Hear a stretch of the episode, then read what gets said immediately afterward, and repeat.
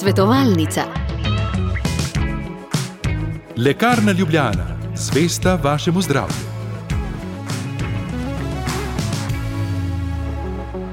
Lepo zdrav, drage poslušalke, spoštovani poslušalci. Od 20. novembra je v uporabi zakon o evidencah na področju dela in socialne varnosti. Delodajalce je čakalo uvajanje kar nekaj novosti in seveda prav gladko ni šlo. A po novem letu je že steklo preverjanje strani inšpektorjev. Kako je torej z uvajanjem zakona, kako ga sploh brati, bomo izvedeli v pogovoru z Nino Ličar, pravno svetovalko za Brtno-podjetniške zbornice Slovenije. Lepo zdrav. Dober dan. Najprej nekaj besed o samem nastajanju zakona, tudi vi ste ga spremljali od blizu, um, kar nekaj časa je trajalo. Ja. Tako je. Ja. Eh, lepo zdrav še enkrat s strani Svetovalnega centra Obrtno-podjetniške zbornice. Tako je. V bistvu eh, ta predlog zakona je dala v obravnavo že eh, Šarčeva vlada leta 2019, se pravi, prvi sestanek pogajalske skupine je, bilo, je bil v maju 2019. Potem uh, so v bistvu nam bila predstavljena samo neka osnovna izhodišča in pogajanje smo nadaljevali šele v letu 2020, ko smo se tudi srečali samo enkrat. In dejansko smo se v konkretnih predlogih členov začeli pogovarjati šele v letu 2021 pod Janševo vlado, kjer smo se srečali, mislim, da na nekih štirih, petih uh, sestankih. Zdaj, delodajalske organizacije, predvsem obrtno-podjetniška zbornica, ki zastopa male uh, in mikrodelodajalce, uh, se je vse skozi prizadevala, da bi se iz zakona umik, uh, umaknilo to obvezno elektronsko vodenje evidence o izrabi delovnega časa, kar nam je v bistvu na koncu tudi uspelo. Kajti ideja uh, vlade, že Šarčeve, pa potem tudi Janševe, je bila, da bi uh, evidentiranje delovnega časa uh, potekalo preko neke pametne aplikacije, ki bi bila pač na pametnem mobilnem telefonu in bi lahko inšpektori kadarkoli na kraju samem, se pravi tudi na terenu, preverili, kako se beleži delovni čas posameznega delavca oziroma pri konkretnem delodajalcu. In v to smo pač vložili zelo velike napore, eh, tako da lahko rečem, da tukaj nam je uspelo, seveda pa nam ni uspelo pri drugih spremembah, ki pa uh, mogoče niso tako hude, kot bi bila ta, ampak kljub vsemu administrativno obremenjujejo delodajalce. In tudi zato zakonu praktično nasprotujete vse zbornice. Ja, tako je, vse zbornice in uh, delodajalske organizacije. Za koga zakon velja? Pravzaprav. Uh, so vključena podjetja od najmanjših do največjih. Tako je. Zakon ne dela razlik glede na število zaposlenih, se, velja, se pravi, velja tako za mikro, male, kot tudi srednje in pa velike delodajalce. Prav tako uh, tudi uh, evidenco o izrabi delovnega časa ni potrebno voditi samo za delavce. Se pravi, to so tisti, ki so zavarovani uh, kot osebe v delovnem razmerju, ampak dejansko za vse osebe, ki opravljajo kakršno koli delo. Uh, se pravi, vem, študentje, upokojenci, uh, potem ne vem, neki partnerji, ki oziroma zunani izvajalci, ki na podlagi pogodbe v poslovnem sodelovanju eh, pridejo, mogoče priskočijo na pomoč ali pa pridejo tudi, ne vem, popraviti kavni aparat, ščistiti prostore in tako naprej. Se pravi, tukaj sicer je mogoče neka sprememba, ki je v prid delodajalcem eh, od 20.11. dalje, kajti za vse te druge osebe se presoja, ali je potrebno voditi evidenco ali ne, glede na to, ali ta oseba, ki nima sklenjene pogodbe o zaposlitvi, se vključuje v vaš delovni proces oziroma pretežno uporablja sredstva za upravljanje dela delodajalca. Mhm. Ampak, ne svojih. Ne svojih, ja. Ampak kljub vsemu, a veste, je to kar uh, problem, čeprav za te je bilo tako ali tako treba že skozi voditi evident, tako da tukaj smo mi tudi skušali, uh, da bi se zakon spremenil, ne, tudi v tej smeri in tudi to pač uh, skušamo doseči od ministrstva, se pravi, da se za vse te osebe ne bi bilo potrebno voditi evidence. Prav tako pa mogoče, če še neko razliko, ki je tudi tako zelo smešna, no izpostavim, recimo samo zaposleni, sam zase ne rabi voditi evidence, ker je v bistvu nekako logično, ne, ker nima delodajalca, ampak tudi lasnik in poslovodja, recimo predvsem v enoosebnih DOO-jih, je tudi sam svoj šef, ne, ne glede na to, ali ima sklenjeno sam za sabo pogodbo o zaposlitvi ali pa dela na neki civilno-pravni pogodbi o poslovodenju. Ampak on pa rabi voditi evidenco. Ne. In tudi poslovodja, recimo, ki ni lastnik, vemo, da si v skladu z zakonom o delovnem času lahko sam razporeja delovni čas in tako naprej, pa kljub temu za njega evidenco potrebno voditi, ni izuzet. Ne. Sam zase jo pač ja. seveda piše. Ja. Cilji, ki jih eh, zasleduje zakon in kot je navedla vlada, so jasnejša določitev razmerja, za katero je treba voditi evidenco o izrabi delovnega časa, zagotovitev možnosti delavca, da se seznani s podatki iz evidence in zagotovitev učinkovitejšega inšpekcijskega nadzora nad izvajanjem določb o delovnem času, odmorih in počitkih delavca. Se pravi, cilji so povsem taki običajni, jasni, po eni strani torej zagotovitev inšpekcije in tudi, da bo lahko delavec sam imel pogled, če bo želel. Ampak to je bilo v veljavi že tudi prej. Ja, tako je, na podlagi drugih predpisov, ne? na podlagi predpisov, eh, ki so sprejeti na, eh, na področju zakona, recimo o varstvu osebnih podatkov oziroma splošne uredbe o varstvu osebnih podatkov, lahko kadarkoli vsak posameznik zahteva pogled v osebne podatke, ki jih delodajalec vodi v njem, tako da ta možnost je že zdaj obstajala. Po novem, oziroma 20.11., se pravi prvič z plačo za mesec november 2023, pa je moral delodajalec delavcem pri plačilni listi uh, posredovati tudi izpis iz te evidence. Razen seveda, če um, imajo delavci že tako ali tako splošen pogled v te podatke, ampak to gre bolj v bistvu v primerih, kadar se evidenca recimo vodi elektronsko in da imamo mi, ki smo pisarniški delavci, že to aplikacijo na računalniku in lahko pogledamo. Sicer je bilo pa, pa treba te evidence, se pravi, ali izpis narediti ali skopirati ročno evidenco in delavcem zraven preložiti. Mhm. Res je, tako kot ste rekli, to se da narediti tudi na podlagi drugih predpisov. Kar pa je v bistvu še, so še novosti, no, pa da, da so v bistvu malo administrativno zelo obremenjujoče za delodajalce, pa so uh, predvsem vodenje odmora med delovnim časom. Res je sicer, da ni treba pisati minute, od kdaj do kdaj je odmor izrabljen. Dovolj je, da se upiše, da je odmor bil izrabljen, se pravi da ali pa neka kljukca v sistemu ne, in čas trajanja, ne vem, 20, 30, 40 minut. To je dovolj. Ne.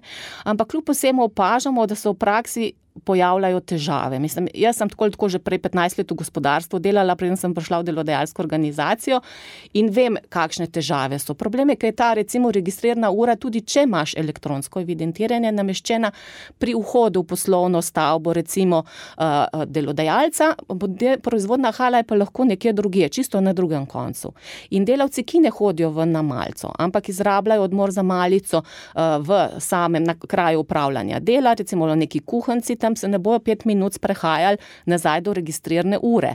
Kar pomeni, da jim mora bodi si delodajalec sprejetjem nekega internega pravilnika, uh, kjer bo povedal, da imajo to možnost, pa da jim bo to avtomatično vnašal, ne, to pač jih seznaniti, oziroma jim dati nek list papirja, kjer se bojo pa tam v tistih hali sami upisovali in potem delodajalec to ročno vnašati.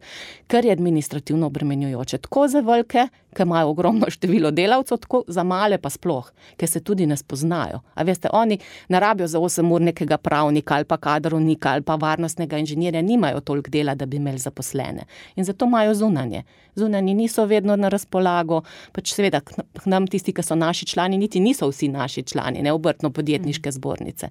Jim skušamo pomagati, ampak vprašanje je tisoč.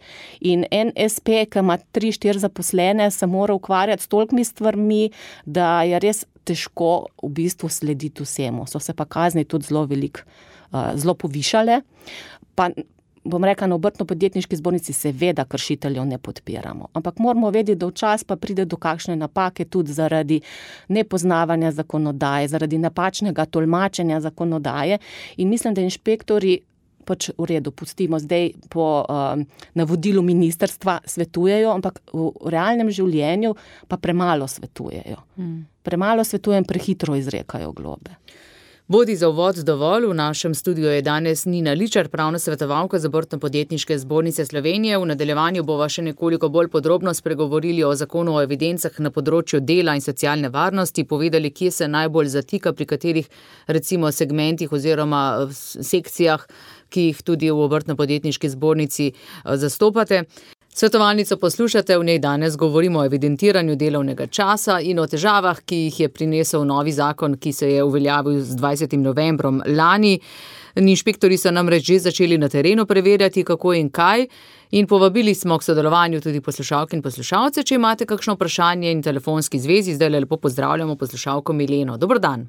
Dobr dan, Milena iz Ljubljane pri telefonu. Uh, jaz bi imela za vašo gostjo vprašanje in sicer, kako um, evidenco delovnega časa um, lahko vodijo prevozniki. Namreč um, prevozniki imajo, nimajo vsak svoj kamion. Um, se pravi, en dan je en prevoznik v kamionu, drug dan je drug um, prevoznik v kamionu in pač to del, evidenco delovnega časa verjetno morajo um, voziti s sabo. Um, in, in glede varstva osebnih podatkov pač ni primerno, da vsak um, voznik vidi ne, evidenco drugega um, prevoznika. Da bi bilo to kar v kamionu vse ja, čas nameščeno. Ja, ja. Uh -huh. ja, hvala lepa, Milena, bo naša gostja skušala odgovoriti. Ja, lep pozdrav, hvala za vprašanje. Zdaj tako je, prevozniki v bistvu, uh, če gre za mobilne delavce, imajo v avtomobilih tahografe kar pomeni, da uh, tudi če pride inšpektor, se da narediti tahograf omogoča izpis uh, narediti, tako da v bistvu, če pride inšpektor na kraj samem, je za to za delavca dovolj, da naredi izpis iz tahografa. Seveda pa mora potem delodajalec na sedežu pa tiste podatke, ki iz tahografa niso razvidni, recimo vice, da delavec določen dan ni vozil, ne vice pa kakšna odsotnost je bila, ali je bil dopust, ali je bilo koriščenje ur, ali je bila bolniška in tako naprej. Te podatke mora pa potem uh, v to evidenco, ko prenese ne, iz tahografa, se pravi to tabelico, dodatno zraven vnašati delodajalec. Enkrat mesečno ali? Ja, v bistvu, glede na to, da gre na kraju, da ima na kraju samem delavec ta izpis, lahko tedensko, lahko mesečno, pa sigurno, zato ker je pomembno za obračun plač. Seveda, če pa gre za delavca, ki ni mobilni delavec, recimo v kombiju ali pa v kakšnem službenem osebnem uh, vozilu, to pa drži, kot je gospa povedala, ti pa nimajo tahografa in ti pa rabijo potem evidenco nositi sabo. Kar pomeni, če se menjajo v vozilu več, de, če se menja v vozilu več delavcev, potem je naj ozame pač delavec sabo ta list papirja, povedam po domače. In to je tudi ena od administrativno obremenjujočih zadev, o katerih smo prej govorili, ker isto je tudi na gradbišču, ne vem, na delavce, ki skrbi recimo cel dan za nabavo, naklad, razklad in tako naprej. Recimo, dost imamo voznikov, ki niso mobilni delavci in ki dejansko pač to evidenco morajo po novem nositi sabo. Mhm. In če jo izgubi ta list papirja? Ja, pa je pa hudir, sploh če se sprot ne sporoča. Ne? Zdaj, delodajalci različno so že zdaj delali, ponavadi imajo na tedenski ravni. Tudi mislim, da je bolj, da se ne čaka daljše časovno obdobje, kajti vemo tudi nekaj dela, veš, tudi včasih ne ve, kaj točno mora napisati, se kaj izmoti, ne? tukaj je le človeški faktor in na tedenski ravni lažje to z delavcem predebatiraš, kaj je mislil, kaj, kaj ne in tako naprej. Seveda je pa. Upisovanje v to evidenco izrabi dnevnega delovnega časa je dnevno. Kar pomeni, če pride inšpektor, ne vem, zdaj le, ne vem, ob devetih ti moraš imeti za današnji dan že uro prihoda upisano.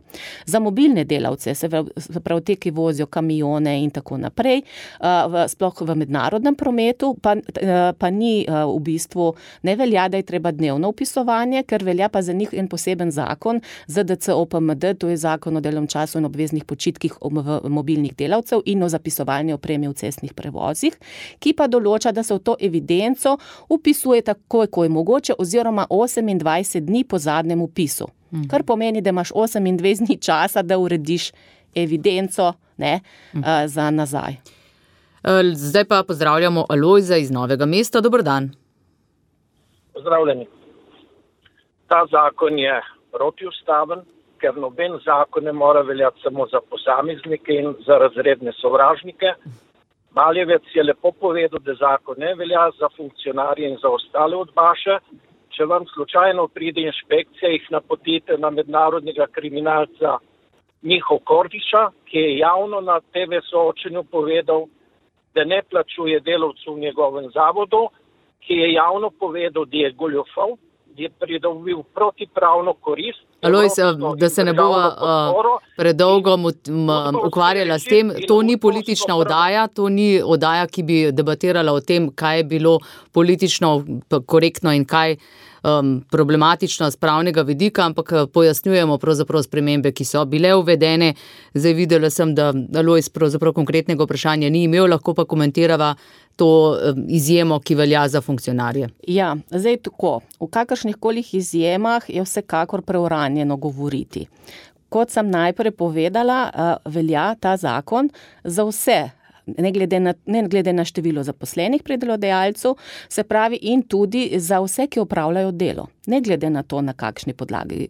Ga upravljajo. Se pravi, tako za delavce, kot za, ne vem, civilno-pravne pogodbe, in tako naprej. Zdaj, kar se tiče funkcionarjev, je zadeva zelo zanimiva, ampak je zelo nedorečena. In jaz mislim, da so preuranjeni zaključki, tudi ki jih dajo ministrstva in poslanci, da, eh, v, v smislu, da ne rabijo voditi evidence. Eh, sklicujejo se pa v bistvu, oziroma imajo verjetno v mislih eno samo sodbo, ki na to temo obstaja. In sicer gre za sodbo upravnega sodišča, v kateri je odločalo um, o pritožbi na odločbo inšpektorata, kjer je, mislim, da je bilo okrožno sodišče v Mariboru in mu je inšpektor naložil, da rabi voditi evidenco o izrabi delovnega časa za sodnike.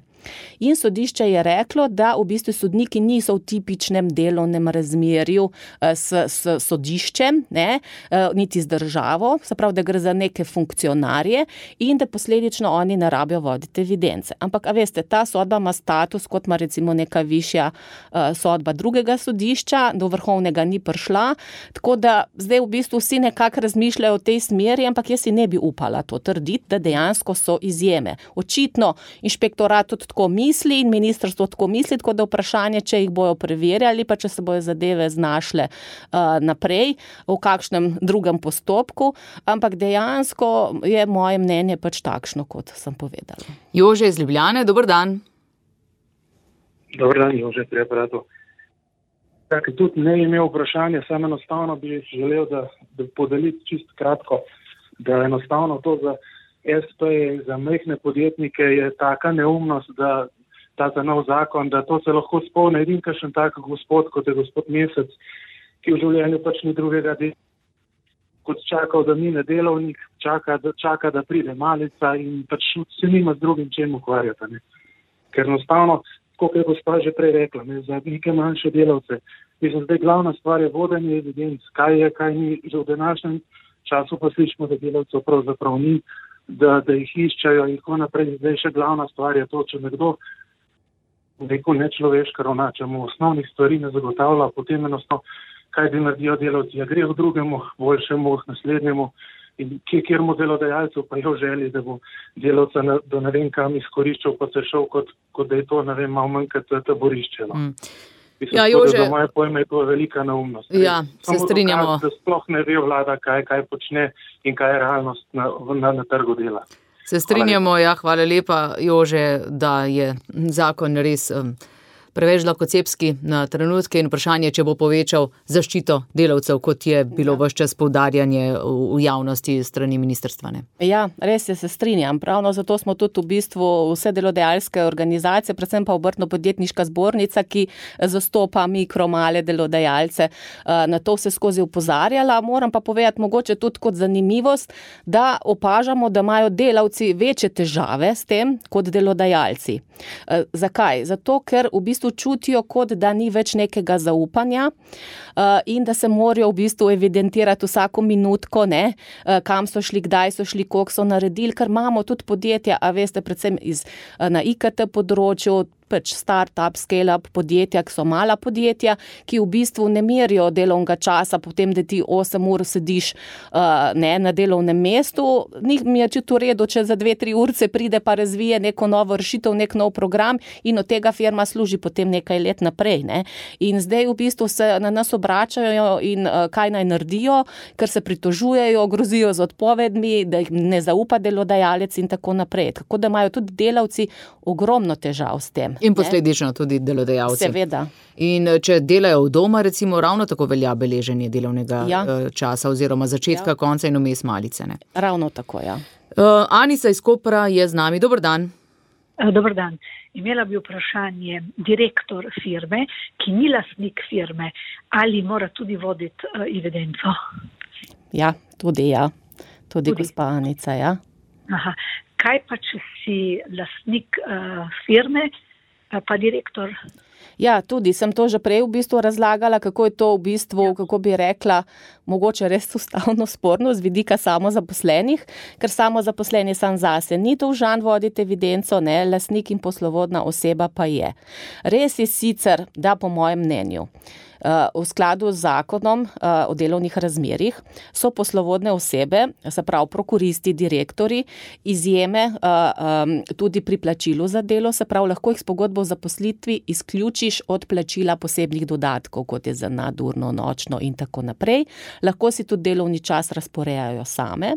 Tako da po mojem mnenju, če je pogodba o zaposlitvi narejena tako, da je v njej jasno zapisano, da si poslovodna oseba sama razporeja ureja delovni čas, da mu pripada, da je, v, bom rekla, v plačilo so vključeni vsi dodatki in pa da je plačilo seveda tudi dovolj visoko, da ta trditev zdrži, se pravi, da nima neke minimalne plače ali pa mal več kot minimalno plačo, potem mislim, da bi lahko inšpektorju tudi dokazali, da v bistvu za tako osebo ne rabiš voditi evidenco. Je pa problem pri malih v tem, ker to bi veljalo izključno za poslovodno osebo da te poslovodne osebe, a veste, tudi delajo druge zadeve. Recimo, ne vem, če je gostilna. Pomagajo v kuhno, kelnarijo in tako naprej. Ne? Če je neko prevozniško podjetje, grejo v to vrnak, grejo mm. v kombi in potem ne upravljajo zgolj funkcije poslovodne osebe. Tako da, da se izognete težavam, je najbolje, da vodite evidenco tudi za poslovodno osebo, ne glede na to, ali je ta oseba hkrati lasnik ali ni. A, tako, redu, tako. Anica, lepo zdrav, zdaj pa lepo zdrav Mihu iz Ljubljane. Dobar dan, uh, jaz imam pa tri kratka vprašanja. Um, a je potrebna, uh, potrebno voditi evidenco za uh, osebo, ki je zaposlena v enem podjetju, hkrati je solastnik drugega podjetja in direktor tega podjetja, uh, v katerem ni zaposlena? Uh, to je eno vprašanje. Drugo vprašanje. Uh, pri podjemnih pogodbah uh, za občasno delo, uh, kako je z vodenjem evidenc tu, in pa tretja zadeva pri, recimo, ne vem, bom banaliziral, v gostinstvu pri občasnih dogodkih, ne vem, tedenskih ali pa mesečnih, ne vem, enodnevnih, a je pri človeku, ki dela zate, recimo preko študentskega servisa ali preko podjemne pogodbe, tudi obvezna evidenca. Hvala za odgovore. Mhm. Hvala, Miha. Hvala za vprašanje. Uh, ja, zdaj oseba, ne glede na to, ali je drugi direktor uh, ali lasnik za delo v tej družbi, kjer je zaposlena, rabi voditi evidenco, se pravi, in to delodajalec. Ne? Seveda, delodajalec pa lahko to obveznost preloži na delavca, uh, da on pač vodi sam evidenco. Zdaj za študente, podjemne pogodbe, um, avtorske in tako naprej, kar sprašujete, seveda, rabite voditi evidenco. Je pa bistveno, ali se ta oseba vključuje v vaš delovni proces. Če povem po domače, vi imate lahko, na primer, sklenjeno neko pogodbo s čistilnim servisom, da vam čisti, ne vem, hale, pisarne in pridajo popoldan, kaj je vse prazno, vaša dejavnost ni čiščenje. Se pravi, oni se ne vključujejo v vaš delovni proces in če prenesejo svoje pripomočke, čistijo svojimi delovnimi sredstvi in se ne vključujejo v vaš delovni proces. Če pa vi občasno rabite neko osebo, ne vem, ker imate bolniško, pa vem, nek SP na podlagi pogodbe, pogodbe o poslovnem sodelovanju, pride, ne vem, enkrat na mesec priskoči na pomoč, potem pa za ta del se vam on vključuje v delovni proces in za tisti dan napišete, da je delal. Seveda pa ne morete, se upravičujem, voditi popolne evidence, ampak lahko vodite prihod, odhod in skupno število ur. Uhum. Za tako osebo. In tudi malico. Ne, malice pa ne rabiš zagotavljati, ker, je, aha, ker ni zaposlena oseba. Tako. Jože iz Tržiča, dobr dan. Ja, pozdravljen. Uh, malo za šalo, malo za res. A se mora človek ključnem plati pa voditi evidenco, koliko gre na stanišče. Pa koliko časa je na stanišču. Ja, razen če malice vmes. ja, če jete sendvič na stranišču, potem ja. ja. Je to vse, Jože. Hvala lepa. Ja, srečno, nasvidenje. Ja, pri, proti koncu oddaje greva gospa Nina Ličar, pravna svetovalka za obrtno podjetniške zbornice Slovenije. Rekli ste, veliko vprašanj dobivate, eh, tudi deluje neka številka, na katero se lahko obrnejo um, vaši člani. Ja. Morda jo še uh, omeniva, če ja. jo veste iz glave. Zdaj, ne, uh, člani obrtno-podjetniške zbornice seveda lahko pridejo direkt do nas svetovalcev, sicer pa svetujem, da vsa vprašanja pošljajo na mail svetovanje.afna.ozs.si, kjer jim bomo pač odgovorili na vsa vprašanja. Kot sem rekla, obrtno-podjetniška zbornica Slovenije si bo prizadevala še uh, ravno. V prejšnjem tednu smo naslovili tudi dopis vseh petih delodajalskih organizacij na Ministrstvo za delo, družino, socialne zadeve in enake enake možnosti, da bi se le naredilo nekaj v tej smeri, da um, se te spremembe pač bi popravile oziroma da bi se vrnilo stanje nazaj, uh mhm. -huh. kot je bilo pred spremembo. Nekaj uh, vprašanj smo dobili tudi prek elektronske pošte, uh, bomo to skušali zdaj še tik ob koncu odgovoriti. Eh, kako je, Jana sprašuje, kako je glede priprave na delo na začetku in ob koncu osobnega dela delovnika v okviru evidentiranja delovnega časa? Ali je to zakonsko opredeljeno, koliko časa se lahko odmeri za pripravo na delo? Ja, eh, zdaj zakon o evidencah na področju dela in socialne varnosti govori samo o evidentiranju delovnega časa. Kaj se pa šteje v delovni čas, pa govori zakon o delovnih razmerjih. In dejansko se čas priprave in čas zaključka dela všteje v efektivni delovni čas. Zdaj, koliko pa posamezno opravilo oziroma koliko časa traja to eh, čas priprave in zaključka na posameznem delovnem mestu, pa mora opredeliti delodajalec. Kaj ti mi vemo, če smo v pisarni, se štemplamo in se že isto minuto usedemo za stol in neke priprave ne potrebujemo. Če delamo, ne vem, na proizvodni, se rabimo preobleči v delovno obleko, but čevlje s kapico in tako naprej in to lahko traja 5-10 minut.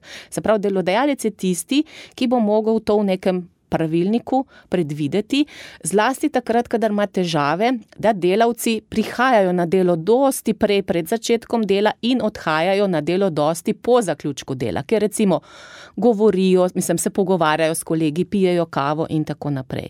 In če bo to delodajalec v internem aktu natančno uredil, bo lahko seveda, ne vem, predvidel, da je pet minut potrebujejo za pripravo na delo in za zaključek dela, bo lahko delavcu, ki bo pol, pol ure prej prišel, 25 minut črtal. Mhm. Še eno vprašanje, kako naj delavec koristi odmor, če dela za krajši delovni čas, če dela za 4 ure, mu pripada 15 minut, hkrati mu pripada malica in pravi, kdaj naj to malico zaužije, v 15 minutah je to marsikje nemogoče, nehumano, po drugi strani pa odmora ne sme izkoristiti v prvi ali zadnji uri dela. Kako je torej s tem? Ja, zdaj jaz bom tako rekla, res je, ja, prva in zadnja ura načeloma nista dovoljena, ampak pri teh, ki delajo s krajšim delovnim časom, pač včasih ne gre drugače. Ne.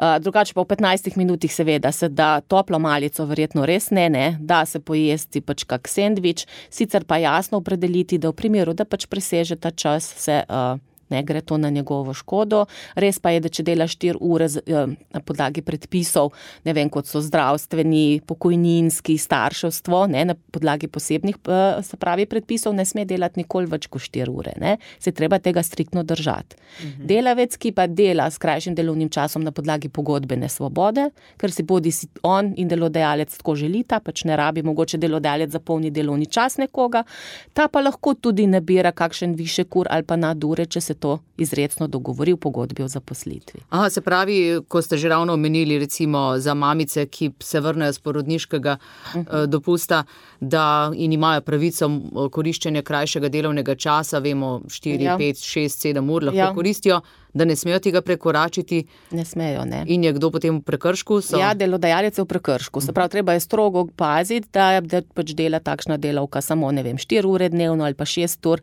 da zdaj, če bo minuta, dve, tudi ne bo inšpektor, ne, da bi pa zdaj v bistvu ona ostajala na delu. Pa ne sme. A, ja. Hvala lepa, sva še malce razširili ja. to evidentiranje delovnega časa, ampak nič hudega.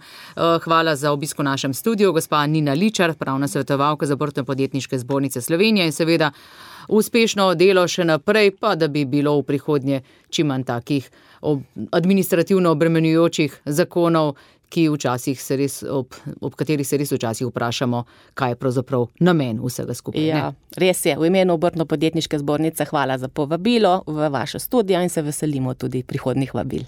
Oddajo sem pripravila Tanja Dominko. Svetovalnica.